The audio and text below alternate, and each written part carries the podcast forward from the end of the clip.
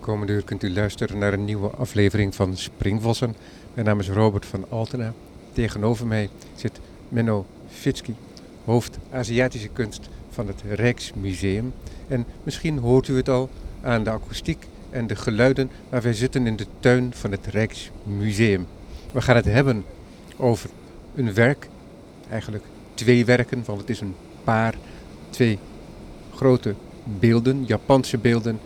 En die staan, zoals u begrijpt, binnen. En wij kunnen nu niet bij de beelden om dit gesprek te voeren. Maar ik heb ze in het verleden gezien. Ik heb er al voor gestaan, ook met Menno Fitski een aantal jaar geleden. Ja. Deze beelden, Menno, dat zijn net één, twee slag groter dan menselijk formaat. Het zijn reuzen. Ja, ja, meer dan 2 meter, 2 meter 20. Ja, ja. Hele grote, gespierde jongens. Ja, dat valt gelijk op. Ik zei al dat het Japanse beelden zijn. Ik zag op de website dat ze gedateerd zijn, ruim weg, circa 1300, circa 1400. Iets, ja. Dat geldt voor beiden, want ze zijn tegelijk gemaakt. Ja.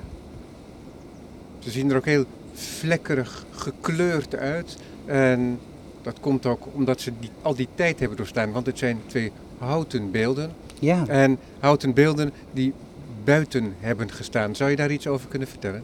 ja, dat is ongelooflijk, hè? Houten beelden. En ze zijn bedekt geweest met een dunne laag lak. En dat is hun redding geweest. Lak sluit het hout af en voorkomt dat insecten eraan gaan vreten. Maar het is waar, ze hebben buiten gestaan. Ehm, in Japan, het platteland, eh, klein dorpje buiten. Ga je een berg op, halverwege de berg. Bovenop ligt de tempel, halverwege staat die poort. In een klimaat waar het zomers echt heel warm is en s winters flink kan sneeuwen. Dus het is, ja, het is verwonderlijk dat ze nog zo goed zijn eigenlijk. Herinner ik het me goed als, het, als ik zeg dat het zo 500, 600 kilometer ten westen van Tokio iets, Kyoto iets, was het? Kyoto, iets. Ja. En, en dan ga je ehm, eigenlijk vanuit Kyoto een beetje naar de noordkust van Japan toe. En daar in het platteland. Echt, het is echt ook nu nog eh, vrij lastig bereikbaar. Het station is ongeveer zeven keer per dag een trein. Deze beelden die zijn denk ik 13 jaar geleden aangekocht, hebben toen Ja. enige tijd ook voor conservering en onderzoek het publiek niet gezien. Ja, ja. Inmiddels staan ze mooi hier aan de andere kant van deze tuin in het paviljoen. Ja, Hoe ben je dat op het spoor gekomen? Kijk, want als wij eerst in eerste instantie aan Japanse kunst denken, dan denken wij toch aan een hele ingehouden kunst. Een hele beheerste kunst. En dan kennen we weliswaar van, van de theatervormen, de, het no, en kennen we wel ook die gedragenheid, Ja. maar ook tegelijkertijd de expressie in het kabuki, Ja. met, de, met de maskers. ja. Maar toch is dat helemaal binnen een discipline. Ja, ik denk, ja, ik denk dat er, en dat is een van de redenen waarom we ze wilden kopen, dat er in Europa eigenlijk een vrij eenzijdig beeld werd gegeven, en misschien wel wordt gegeven, eh, van de Japanse kunst. Ja, want dat, wat nog niet gezegd is, en dan onderbreek ik je Ja. ter invulling. Dit zijn twee woeste krijgers die daar staan. Het zijn twee eh, echt ja, afschrikwekkende beelden. En dat heeft te maken met dat ze het kwaad buiten willen houden. Nou goed, dus dat zie je ook als ze, hè, ze, ze maken een afwerend gebaar. En die levendigheid, die enorme energie die uit die beelden spreekt, dat was eigenlijk wat niet zo goed voor het voetlicht kwam in onze collectie. Er is een hele dynamische, energieke kant van de Japanse kunst. En zoals je zegt, in Europa, misschien wel in het algemeen buiten, buiten Japan, krijgt dat weinig nadruk. Juist omdat wij zo houden van dat ingetogene, dat, ja, het, het contemplatieve van de Japanse kunst. En, en dat zien wij ook als eigen aan die Japanse cultuur, maar eigen aan die Japanse cultuur. En dat zien we misschien ook wel in de populaire cultuur in films zoals Rashomon. Precies. Ja. van Kurosawa. Ja. En Kurosawa is niet de enige die daar films aan gewijd heeft. Dus je ziet Nee. wel dat het niet een idiosyncrasie is van één cineast. Zeker niet. Het is, het is iets wat de Japanse cultuur heel erg kenmerkt. Maar als je in Tokio komt, dan is het helemaal niet zo zen als je op straat loopt. De neon die schreeuwt je tegemoet. Eh, Dus ook nu nog is die levendige kant daar heel erg. En het belangrijke van Japan is dat er geen tegenstelling tussen bestaat. Wij vinden dat soms dat dat ja, met elkaar een, een contrast vormt. En voor een Japaner is dat niet zo. Dat zijn twee dingen die naast elkaar kunnen bestaan. Dat is juist het mooie. Ben je daar dan naar op bezoek gegaan in je rol van conservator van het Rijksmuseum? Specifiek naar deze twee, naar, naar dergelijke figuren? Ja, nou, zo, zo georganiseerd was het niet. Ehm, ik ben er min of meer over gestruikeld. Dat is bij ook een luxe die je niet kan permitteren. nee, ehm, ik was bij de grootste kunsthandelaar in Japan, een van de grootste, en eh, vroeg: Heeft u sculptuur? Ja, zei hij. En hij liet mij twee foto's zien. En ik was er helemaal door overdonderd. Ehm, en eigenlijk heeft, zou je kunnen zeggen, want hij krijgt natuurlijk veel museumconservatoren over de vloer. En in de Japanse kunsthandel is het niet zo dat alles in de vitrine staat. Je gaat aan een klein laag tafeltje zitten en dan krijg je een kopje thee en dan vraagt hij: Wat wilt u zien?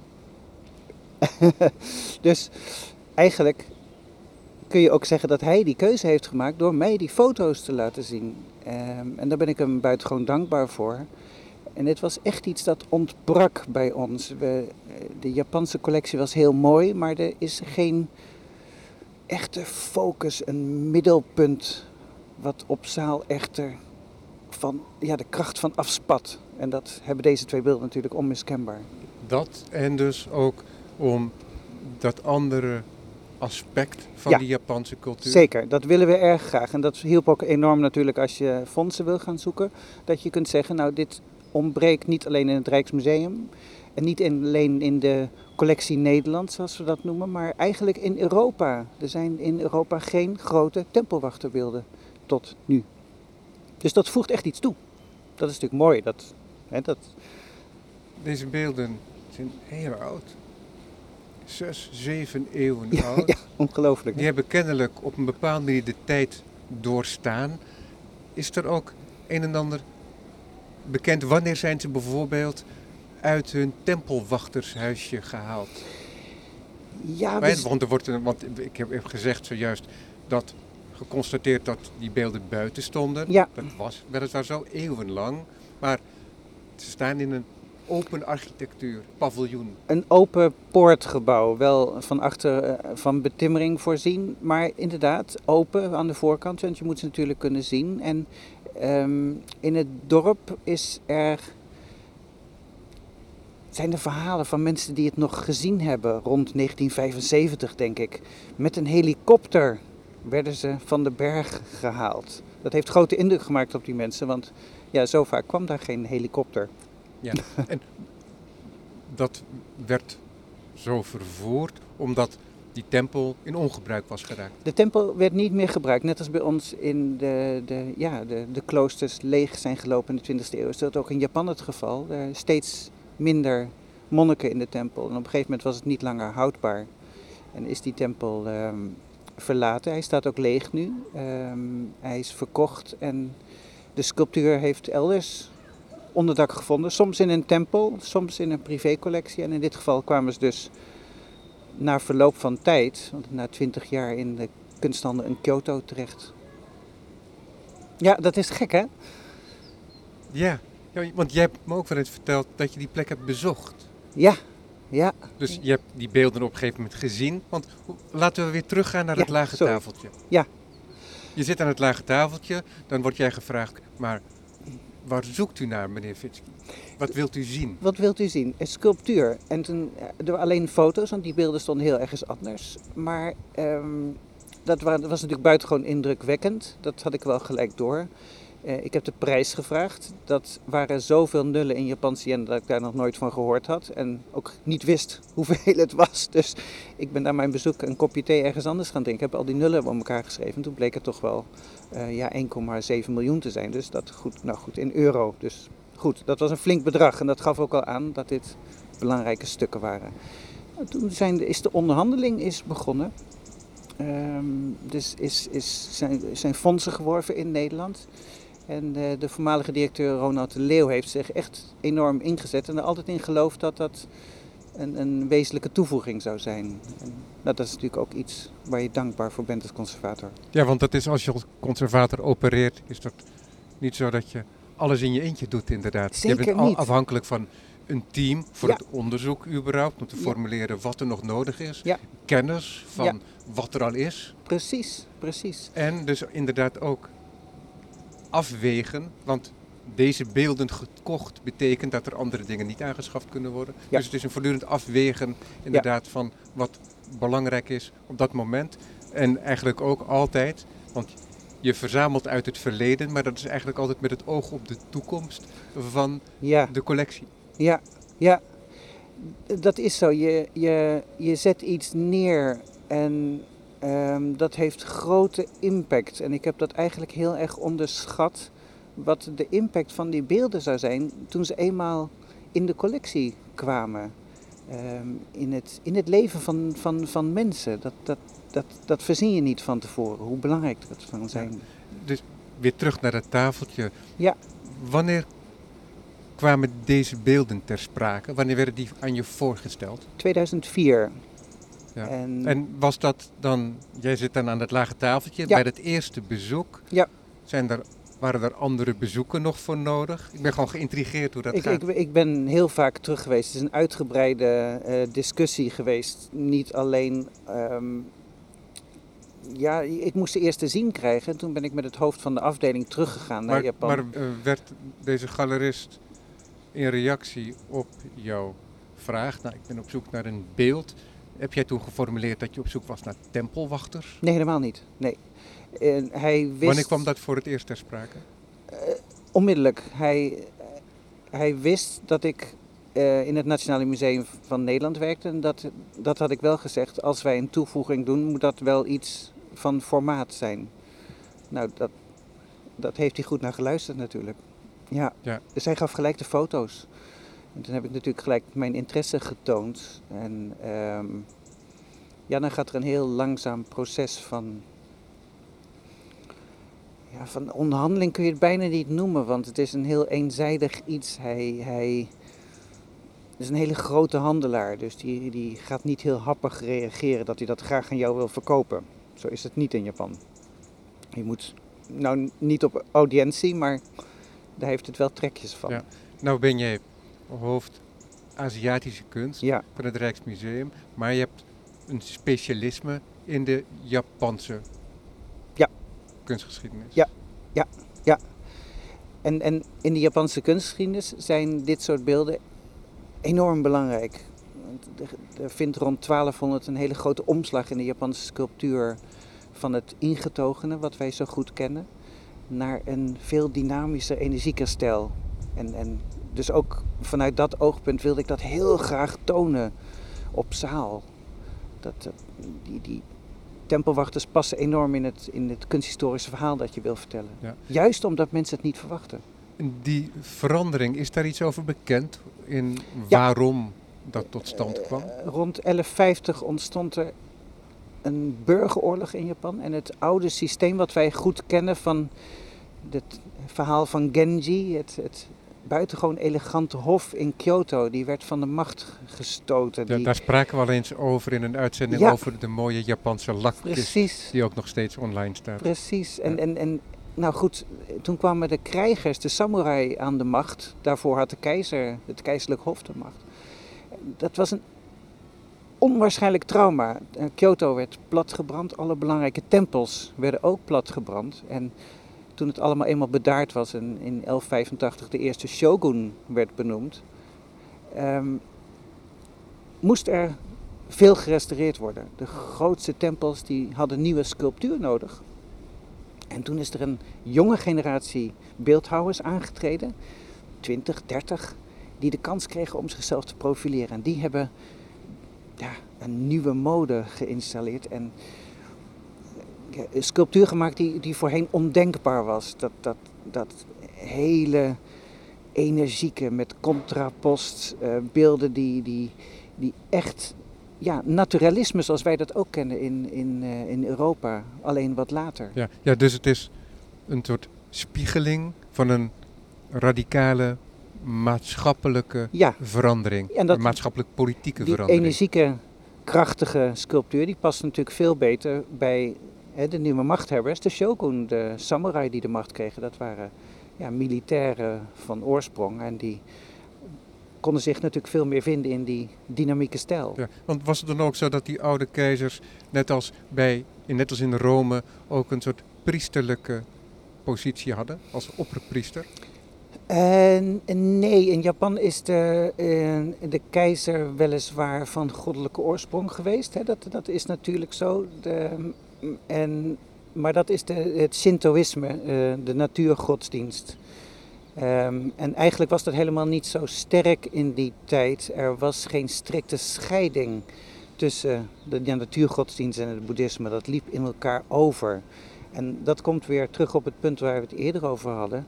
Eh, dingen bestaan naast elkaar in Japan, parallel aan elkaar. Niet, hè, in Nederland, als je protestant of katholiek, dat kun je niet tegelijk zijn. In Japan kan dat vrolijk wel. Ja, dat heb ik ook al gemerkt in eerdere gesprekken met Christopher Schipper bijvoorbeeld, Ja, over het Tao, maar ook over het Confucianisme en over gesprekken over de Chinese filosofie, waarbij wij heel sterk geneigd zijn om veel meer te categoriseren. ja, ja, En dat het daar als cultuureigen wellicht Ja.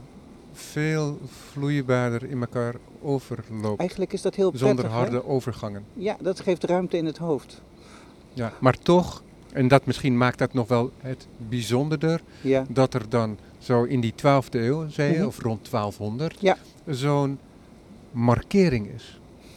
Ja. Dat betekent dat dat, dat, want ik probeer een beetje de- erin te verplaatsen, Ja. dat dat als Europeaan, hè, en dan ook nog een keer in een andere tijd van Japan, Ja. om, wat dat dan zou moeten betekenen. Maar het is een verandering van betekenis geweest. zeker. En, en een, van de, een van de doelen was om de beelden meer directheid te geven en daarmee de gelovigen, de gelovigen veel, veel beter te kunnen aanspreken. hè. De sculptuur moest de, de boodschap goed over kunnen brengen. Dat is wij natuurlijk in onze katholieke sculptuur heel goed kennen. Dit- Deze beelden, en dat is het doel, en dat zie je ook op zaal, het, ze maken afwerende gebaren. Ze houden het kwaad buiten de tempel. Die energiekheid die ze uitstralen draagt natuurlijk bij tot de directheid van de boodschap. Ja. ja, want ze zijn hier in het paviljoen ook weer op sokkels geplaatst. Is Ja. dat de hoogte die ze ongeveer hadden ten opzichte van het Ongeveer. publiek? Ja, die poort is er nog, die staat leeg te zijn op die berg daar in Japan. En ehm, nou, ik heb ongeveer uitgemeten hoe dat in zijn werk zou moeten gaan. Maar ze kijken natuurlijk een beetje op je neer, dat hoort erbij. Ja. Eh, zij zijn de baas en je komt er als gelovige aan en je moet daar naar binnen en het, ja, alles wat het boeddhisme bedreigt moet buiten de deur blijven. Dus Ja. dat afwerende moet goed overkomen. Ja, er is een boekje over verschenen ook in Ja. de collectie van het Rijksmuseum. Nu niet toegankelijk omdat het museum Ja. gesloten is, maar daarin, ik noem dat omdat daarin ook foto's staan, inderdaad, Ja, van het tempelwachtershuisje en van de tempel, zodat mensen er nog wel Ja. iets van kunnen zien. daar zit iets van pijn, hè? Die tempelpoort die daar leeg staat. Ja, maar wat aan de andere kant mooi is, is dat de beelden gered zijn.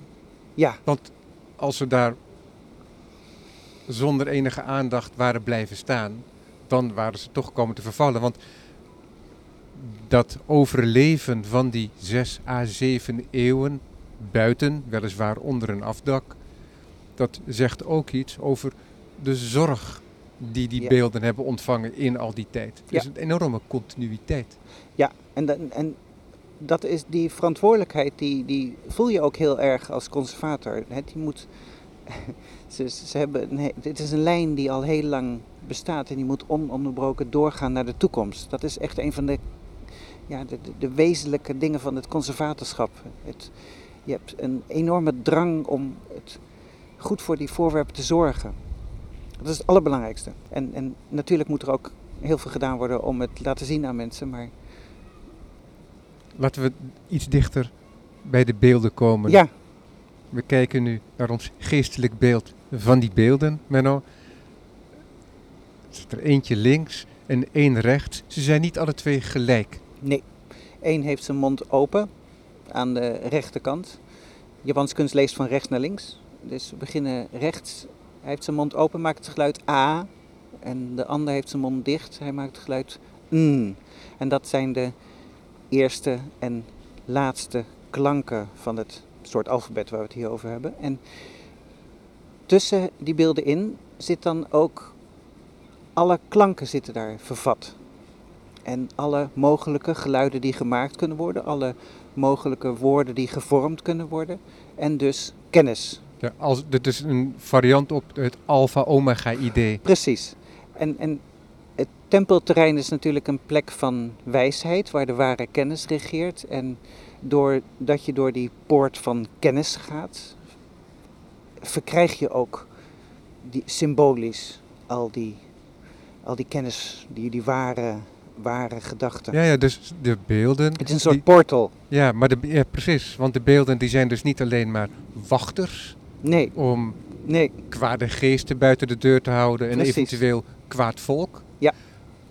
Maar ze dragen ook iets aan ons over en ze maken ons als het ware, als bezoeker, zou je kunnen zeggen, waardig om die tempel te betreden. Ja, ja, je verkrijgt die kennis symbolisch. eh, en ehm, in het boeddhisme is natuurlijk eh, die ware kennis, dat is niet de kennis van, van eh, welk nieuw, nieuwste model iPhone eruit is. Het is de ware kennis die vrij is van, van illusies. Want het menselijk handelen wordt natuurlijk in het boeddhisme eh, ja, heel tragisch gedomineerd door allerlei begeertes en, en, en, en het vasthouden aan, aan de status quo. En in het boeddhisme is het lijden fundamenteel onderdeel van het bestaan. En ook ehm, alles is in verandering. Dat is essentieel voor het leven. Niks is permanent. Ehm, dus ja, die ware kennis is van een ander niveau. Dat is een ander soort inzicht dat, dat ver daaraan voorbij gaat. Dus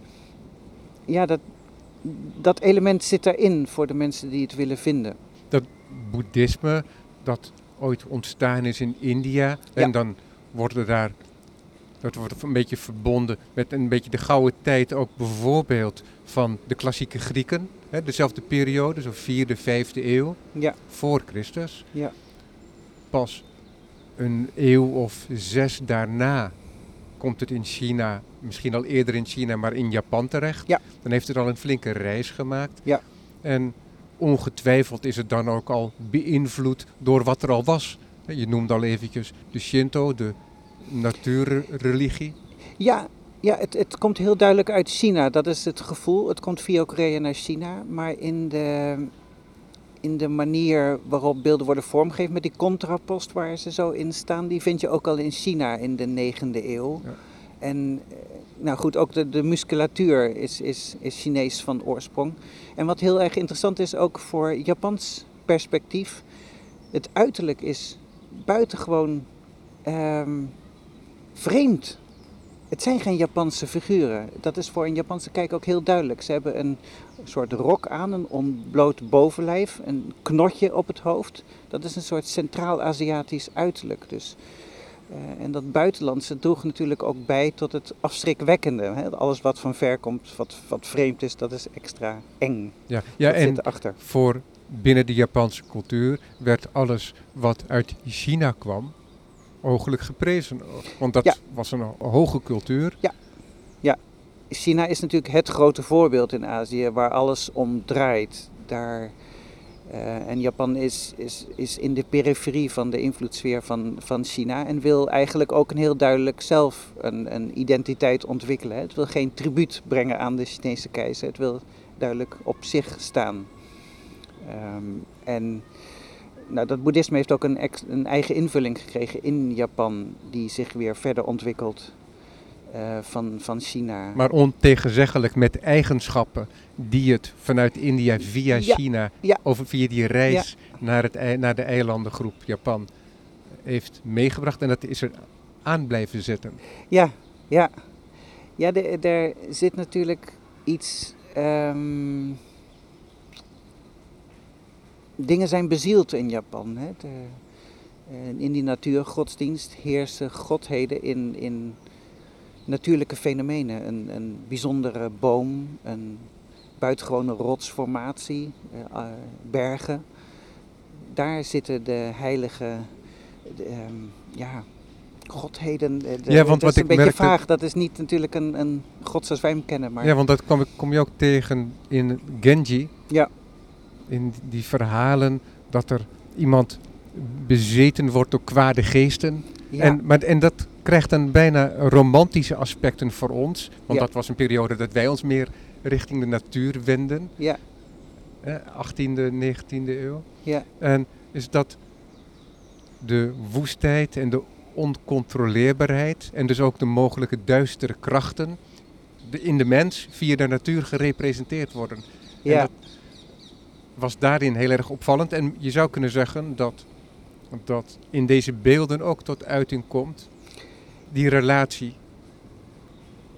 Ik weet niet of dat zo, die duisterheid van de natuur, of dat zo in deze beelden zit. Het is meer dat eh, er krachten heersen in, in, in, in natuurlijke dingen, in, in hout, in bomen.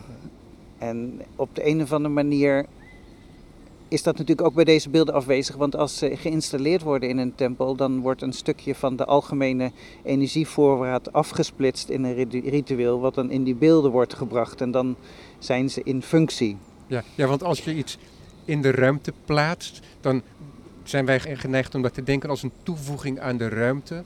Maar ik heb wel eens opgemerkt dat het in Japan, en misschien is dat ruimer Aziatisch, vaak ook wordt gezien als het innemen van een plek in de natuur.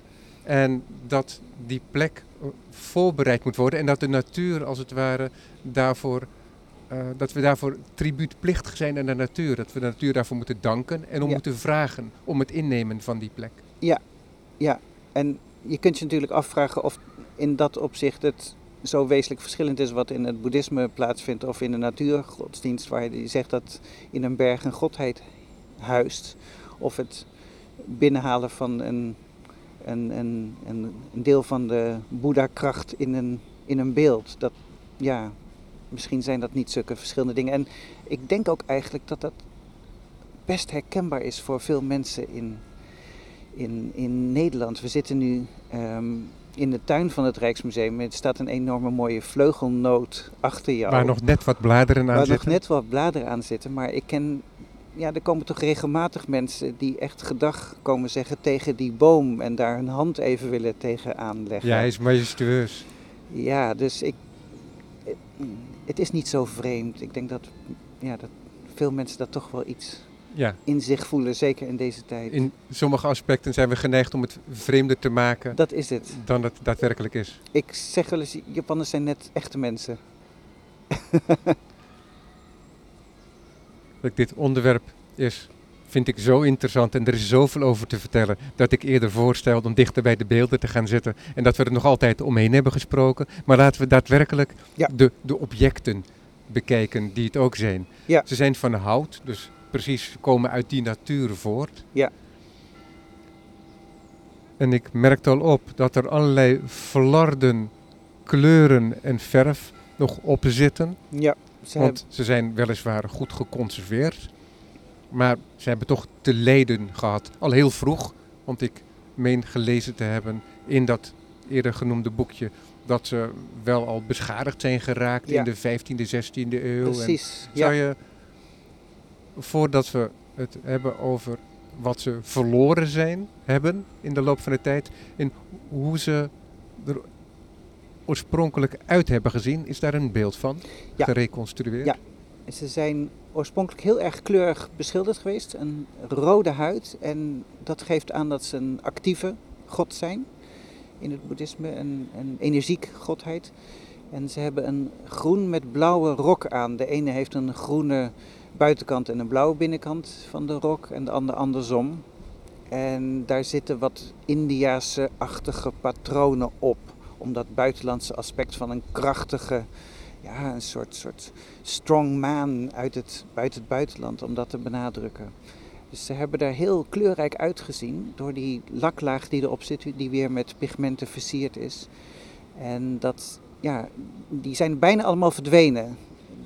Ze zijn meerdere malen gerestaureerd, meerdere malen overgedecoreerd.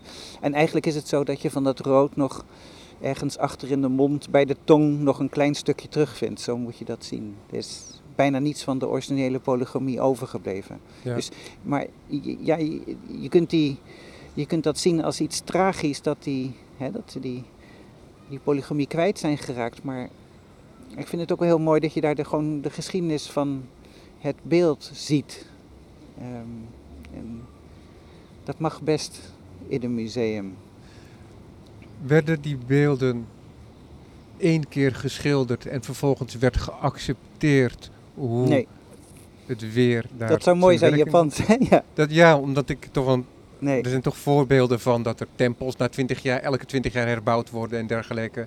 Dat is het natuur. Van Isje ja, en, ja, uh, de Isis-schijn. Ja, ja, die wordt weer opgebouwd. Shinto. Ja, maar ook een, een ik denk dat je het redelijk kunt vergelijken met sculptuur in een uh, Europese kerk. Die werd ja. tot voor kort ook vrolijk bijgeschilderd natuurlijk, als dat weer nodig was. Ja. Dan... Is dat bekend? Is er een soort dagboek via de, de abt, uh, nee, om het nee. zo maar te noemen, van, Helaas. de, van deze tempel? Helaas, nee. We hebben um, uit die 16e eeuw, die vroege 16e eeuw, hebben we wat documenten toen de oorlog werd gevoerd. En ze beschadigd zijn geraakt en ook weer gerestaureerd zijn, dat weten we.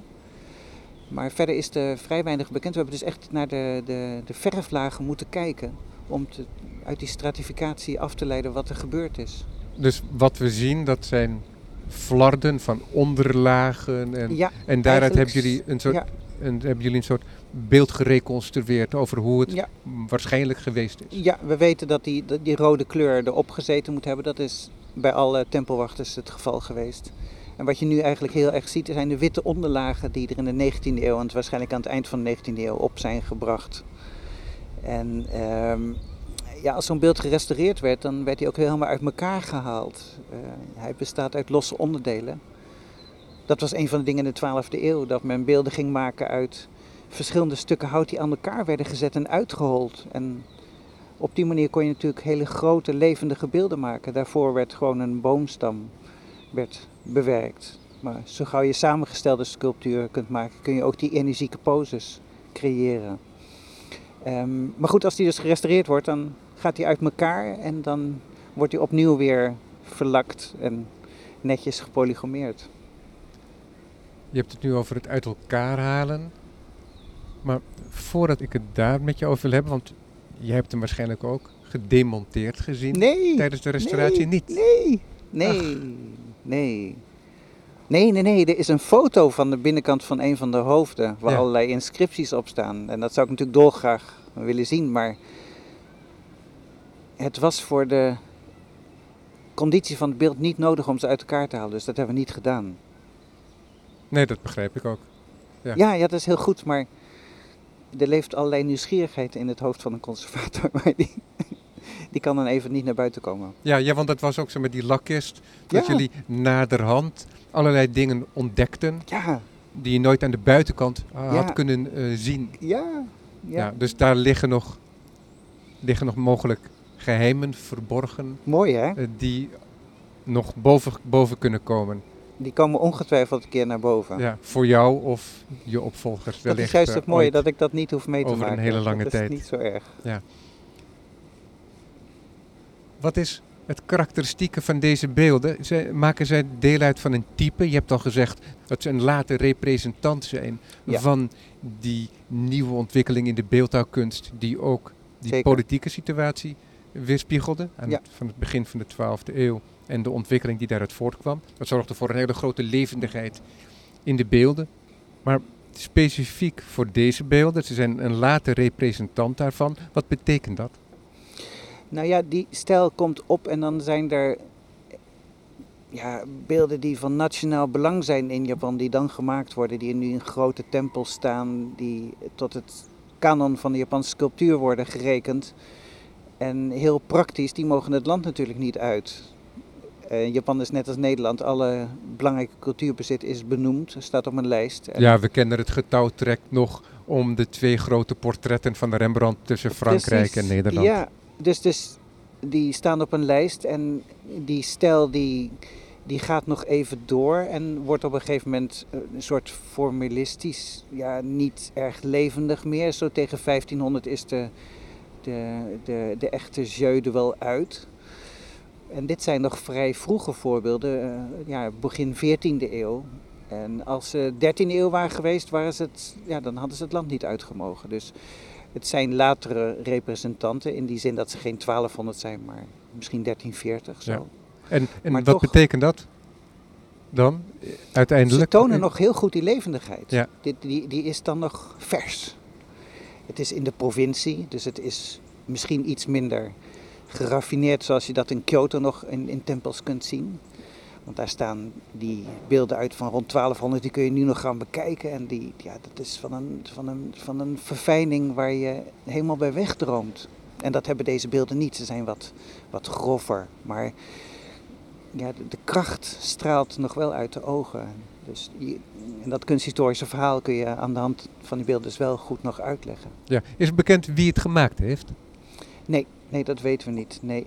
Tenzij er nog ergens in die binnenkant van de beelden nog ergens een signatuur staat. Maar dat is niet on- onwaarschijnlijk. Maar Of is het Nee. zelfs mogelijk dat het een werkplaats is en niet één maker? er is waarschijnlijk toch het centrum van sculptuur, Kyoto, ehm, is, heeft beeldhouwers uitgevaardigd. Het kan goed zijn dat er eh, beeldhouwers, lokale beeldhouwers zijn geweest die een opleiding in Kyoto hebben genoten en die beelden gemaakt hebben in de provincie. Wat voor gemeenschap was het daaromheen, rond die tempel? Was dat groot? Het, het was een, een, wel degelijk een centrum van cultuur in die tijd. Er is ook uit de 14e eeuw een, een keizerin bekend die verbannen werd naar de eilanden die nog verder naar het noorden voor de kust daar liggen. En op haar weg naar die eilanden toe heeft ze een- de nacht doorgebracht op die tempel. Dus dat, en dat was iets ja, memorabels om te noteren. Dus dat is bewaard gebleven. Dus het was wel degelijk een, een cultureel centrum. En vergeet niet eh, de streek waaruit die beelden komen, Shimane eh, prefectuur. Eh, dat, is, dat is heel oud Japan. Een van de, de, de, de vroegste culturen heeft zich waarschijnlijk in die bergregio nog tegen de kust aan, zich daar ontwikkeld. Die kijkt natuurlijk tegen de kust van Korea aan. Dat was een van de eerste contactpunten met het vasteland. Ja, Dus ja, het is oud land. ja, ja precies. Want de, in de bergen die zijn ook over de hele wereld uiteindelijk die plekken waar datgene wat in het gedrang raakt nog een huis vindt heel lang. Ja, dat was in Europa ook zo. Ja, Het niet-orthodoxe geloof. En Ja. dat zal dan ongetwijfeld ook... ja, ja. Ook al was dat contact er met Kyoto bijvoorbeeld. Ja, ja, Japan is natuurlijk net als Italië een intens regionaal land. Eh, Mensen voelen zich allereerst verbonden met hun eigen streek. Eh, Als je een Italiaan vraagt waar die vandaan komt, dat is ook van buitengewoon belang. In Japan wordt die vraag ook altijd gesteld: waar kom je vandaan? Dus, dus ja, die regio, dat leeft ook nu nog heel erg Ja. in Japan. Streekgerechten, Ja. dat soort dingen. Ja. Die beelden, je zegt al, de een heeft zijn mond open, de ander gesloten. Dat representeert taal. En via de taal ook een relatie tot de wereld van het boeddhisme. Maar misschien ook wel via die wereld van het boeddhisme een soort idee. En misschien mag ik zelfs het woord waarheid gebruiken over de wereld waar wij in leven. ja. De, die beelden, die, ze hebben alle twee één arm omlaag en Ja. één arm geheven. ja, Dus één in een duidelijk stopgebaar als het ware. Je ja, kijkt precies. echt in de palm van de hand. Ja. En wat is de houding van de andere? Ja, de- eigenlijk een soort afwerend naar beneden gerichte ehm, hand. En het, het grappige van die handen is dat ze nu heel erg aanwezig zijn. Maar ehm, er is maar één hand origineel. er zijn er drie bijgemaakt. En wanneer zijn die bijgemaakt? Waarschijnlijk in de 20e eeuw. Ja, ja. En dat is ja, een beetje een dilemma bij een museumvoorwerp. Want als ze geen handen hadden gehad, hadden ze niet nu de zomaar bijgemaakt. Maar nu ze ze eenmaal hebben, halen ze er ook niet af. Ja, nu maken ze deel uit Ja, van die geschiedenis van die, beelden. geschiedenis. Ja, ja, dus ja, ze zijn niet origineel, maar goed. Ze dragen wel bij tot de expressiviteit. En, En- het zijn heel goed, goed gemaakt. En hebben deze beelden nog attributen? Ze hebben in hun hand hebben ze een, een, een soort donderkeil, een vajra. En die vajra staat in allerlei, ze hebben allerlei betekenissen, maar in deze vorm van het boeddhisme, het esoterisch boeddhisme, eh, staan ze voor de ware kennis. Die ware kennis is zo hard als een diamant. En dat is de letterlijke betekenis van vajra. Want ware Vajra, kennis- dat klinkt als een... Het is een Sanskriet. Het is een Sanskriet woord. Het Ja. komt uit, uit India. Ja. Het, ehm, maar die ware kennis is ondeelbaar. Je kunt er niet een stukje van afhalen. Het is net zo hard als een diamant. Ja, ja, en de- dat is een soort staafje. Een soort staafje en die heeft twee kanten. En dat geeft ook aan, de ene kant is Boeddha, de andere is mens. De eenheid van de dingen. Het, eh, de Boeddha-natuur is onderliggend aan het hele menselijke, het, alles, alle fenomenen in het universum. Ja, dus eigenlijk benadrukt deze Vajra Ja. datgene wat ook gefocaliseerd wordt door die beelden. Precies, de ware kennis waarmee je natuurlijk de onwetendheid en de, de illusie kunt verpletteren. Dat is wat je natuurlijk wil, graag wil bereiken. Ja. Menno, wanneer zag je de beelden voor het eerst? In 2005. Ehm, ze stonden toen in een museumdepot, vreemd genoeg, opgeslagen. En toen ben ik met de handelaar hebben we afgesproken en toen gingen we daar een donkere ruimte binnen en daar, ja, daar stonden ze. En dat was, dat was ja, wel een moment dat je gelijk realiseert dat dit fantastische beelden zijn die het ja, natuurlijk precies hebben wat je wil in een museumatmosfeer. Maar ook ja, dat, dat ze daar niet thuis hoorden. Ze waren een beetje eenzaam. Dat, dat, dat sprak er ook wel gelijk uit. En dat is iets wat veel mensen herkennen, denk ik, als ze de beelden zien. En ze zijn natuurlijk van hun plek gehaald. Ja. Dat, dat, dat, dat is iets wat veel mensen ook nu nog bezighoudt. Je hebt bijvoorbeeld een beeldhouwer, Jikke van Loon, zij is helemaal gegrepen geraakt door die beelden, omdat zij natuurlijk ook zelf sculptuur maakt. Maar zij had ook direct En het ook gevoel, veelal van hout. ook veel daarvan houdt, maar zij had ook direct het gevoel dat er iets melancholisch uit die beelden sprak. Dat vond ik wel heel mooi. Ik ben er heel dankbaar voor dat ze dat op heeft gemerkt. Want dat is ook wel zo. Als je er een bepaalde lichte droefheid die uit de ogen spreekt. En dat heeft zij gezien. En ik weet niet of dat dus de beeldhouwer dat ook heeft zo willen, eh, daar willen in heeft willen stoppen in de 14e eeuw. Maar ik bedacht me vanmorgen, misschien is dat toch, ja, de, de, ware kennis moet re- regeren natuurlijk. En die, de, de gelovigen moeten overtuigd worden dat dat een goed iets om na te, is te streven en niet het wereldlijk bezit te willen aanhangen. Ja. En daar, het, het constant moeten aanschouwen van lijden dat onderdeel is van het menselijk bestaan, is, is natuurlijk iets, ja, daar kan een, een druppel melancholie uit voortkomen, kan ik me zo voorstellen. Ja, en wellicht ook wel het feit dat deze beelden, anders dan heel veel andere beelden die in relatie staan tot religie en die juist in een schrijn opgeborgen worden en alleen maar af en toe getoond worden Ja. en zelfs dan nog niet in het volledige daglicht. Ja. En wij kennen het hier met onze retabels. Ja. Dat deze beelden juist het gezicht vormden, als het ware, van de tempel. Ja, en, zeker. en de eerste drempel. Dus enerzijds afwerend, de drempel opwerpen en anderzijds ons helpend over die drempel ook. Dus in die zin hadden ze een hele duidelijke publieke rol. Ja. En dus ik kan me dan voorstellen dat als ze dan in zo'n donkere ruimte onderin een museum staan. dat is niet waar ze thuis hoorden. Dat, dat was direct duidelijk. En ja, we hebben ze. Ze willen natuurlijk een, je wil ze een nieuwe plek geven en dat hebben we hier denk ik wel gedaan. We hebben ook een ceremonie gehouden om ze weer in functie te doen laten zijn. Ja, want dat, Om ze welkom te heten op een nieuwe, ja, want, een nieuwe huis. Dat, dat las ik inderdaad, dan heb je zo'n functie. Maar die functie, dat is niet alleen maar dat er een soort ritueel om de beelden heen plaatsvindt. Maar normaal gesproken wordt er ook iets aan de beelden veranderd. Nou ja, Want ik las dat de, de, ogen. de ogen, de de, ogen, of de pupillen, als je een beeld maakt, precies, ja. opnieuw ingevuld worden. Als je een beeld maakt, dan beschilder je het helemaal. En als laatste wordt er een ritueel uitgevoerd om de ogen te openen. Een ogen-open ceremonie heet het ook. En dan worden de ogen ingeschilderd, de pupillen. Dat is het laatste wat je aan een beeld doet en dan komen ze weer tot leven. Nou, dat hebben we natuurlijk nu niet gedaan, die, daarop die beelden gaan schilderen. Maar we hebben de ogen-open ceremonie wel laten houden in verkorte vorm door een, een, een vertegenwoordiging van de Japanse tempel uit Kyoto. En die zijn hier geweest, die hebben voor die beelden gezeten, hebben daar gezangen gehouden. En, en, en ja, er zijn allerlei rituelen uitgevoerd. En nu zijn de beelden weer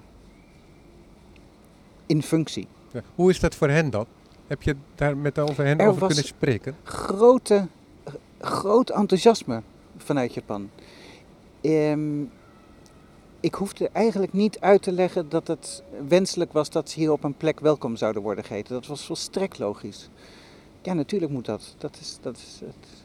dus dat, ja, er was een enorme bereidheid. Ze zeiden, komen met 50 mensen. Ik zei, nou wacht even, dat is een beetje een ander budget. We moeten even... maar het gaf wel aan dat het iets diep in de Japanse eh, geest was om dat te willen doen. Ze zeiden ook het hoofd van de tempel komt. Dat is een soort, ja, het hoofd van de hele stroming in, in, in, Japan. Die, En is dat de stroming nog altijd die verbonden is ja, met die e- oorspronkelijke tempel? esoterische stroming waar ehm, dit de hoofd van was uit Kyoto. De Daikakuji, een keizerlijke tempel. Nou goed, dat, men vond het echt van belang dat dat ging gebeuren. En het was natuurlijk ook mooi om aan de hand daarvan ja, de, de- bijna de Nederlands-Japanse betrekkingen te vieren. Want we hebben Ja. natuurlijk heel lang contact met Japan, dus dat droeg ook bij dat we goede vrienden zijn en dat dit een passend iets is om dat te vieren.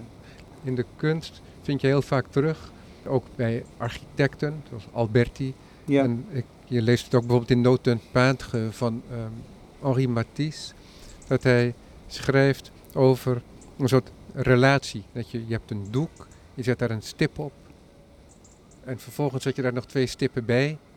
En dan is het spel op de wagen, want dan moet je die eerste stip, die gaat een nieuwe relatie aan, dus die moet je weer veranderen.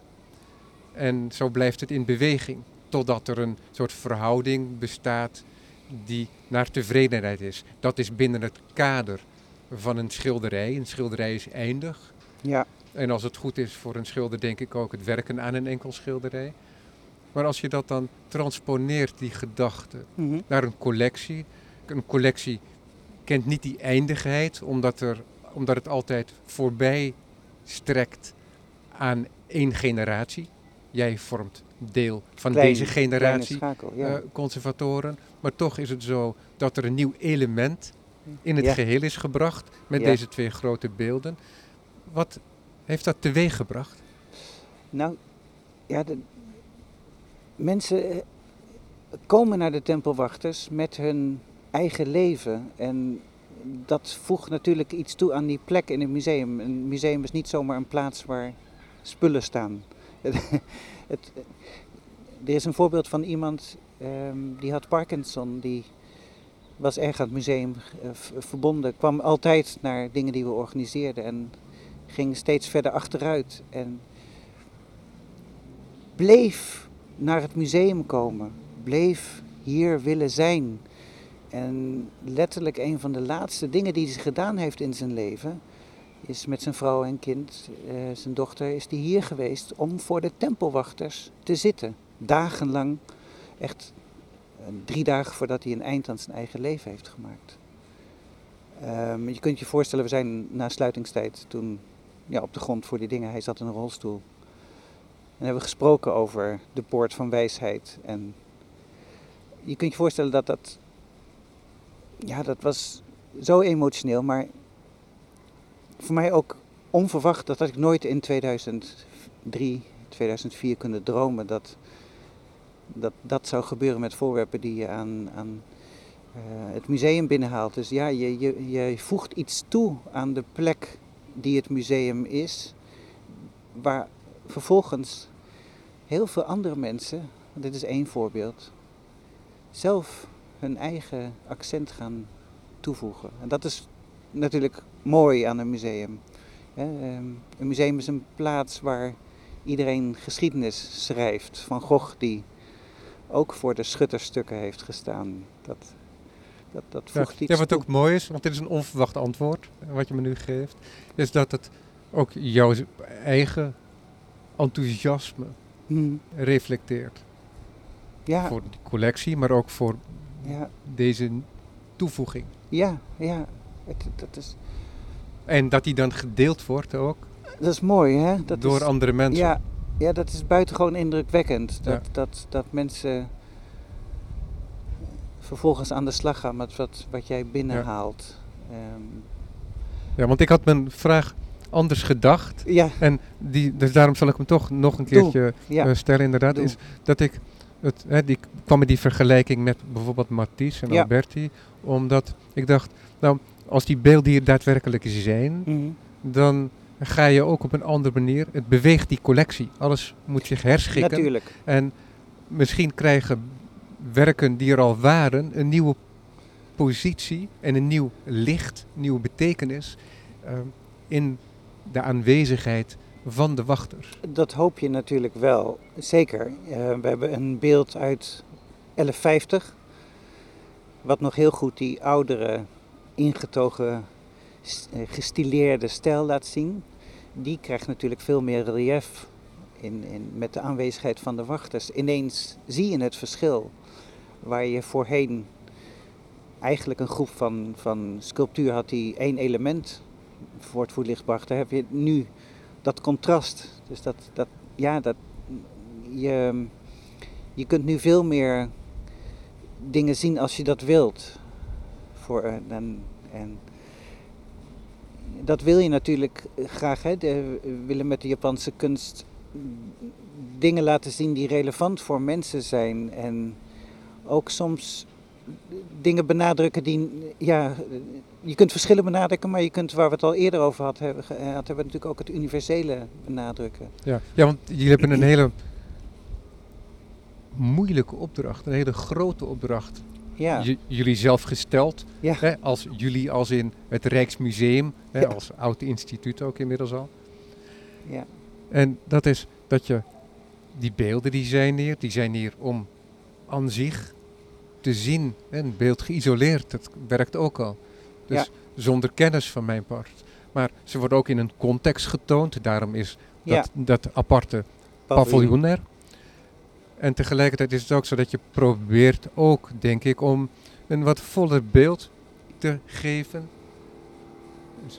Je noemt het educatief, hè, van die Japanse cultuur. Zeker, dat is, dat is ons doel. Je wilt natuurlijk, wij zijn de enige plek in Nederland die ehm, kunst als kunst laat zien, Aziatische kunst. In Leiden heb je het Volkenkundemuseum, daar krijg je een beeld van de cultuur. Wij laten kunst zien. Dus we willen graag dat mensen een begrip krijgen voor de esthetische principes die in Azië een rol spelen.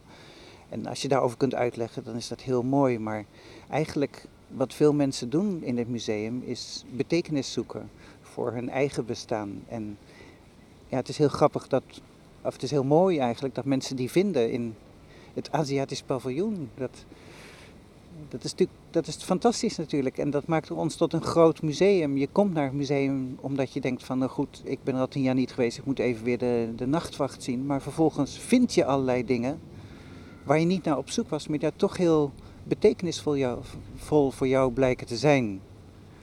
En dat, dat is een kenmerk van een groot museum. Dat, zo hoort dat. En dat voorbeeld dat ik je net gaf, is daar iets van natuurlijk. Ja, die man heeft iets gevonden wat van wezenlijk belang was. Waar hij toch eigenlijk nooit aan gedacht had, tien jaar geleden. En jij evenmin? Ik evenmin. Het is toch, ja. Ja, dat, ja dankbaarheid is een, een, een wat, wat overtrokken woord misschien, maar ik ben wel heel blij dat ik hier mag zijn. Menno Fitski, dankjewel voor dit gesprek over die twee prachtige beelden de wachters. Wat is de naam van de tempel? Weet je dat uit je hoofd? Iwayaji, rotsverblijf, tempel. En dat verwijst dan ook inderdaad naar de geologische omgeving. Ja, ja. Oorspronkelijk was het een, gewoon één priester die daar is gaan wonen in zijn rotsverblijf. Ja, nou, hopelijk kunnen we ze snel weer zien Ik hoop het. bij het openen van het museum.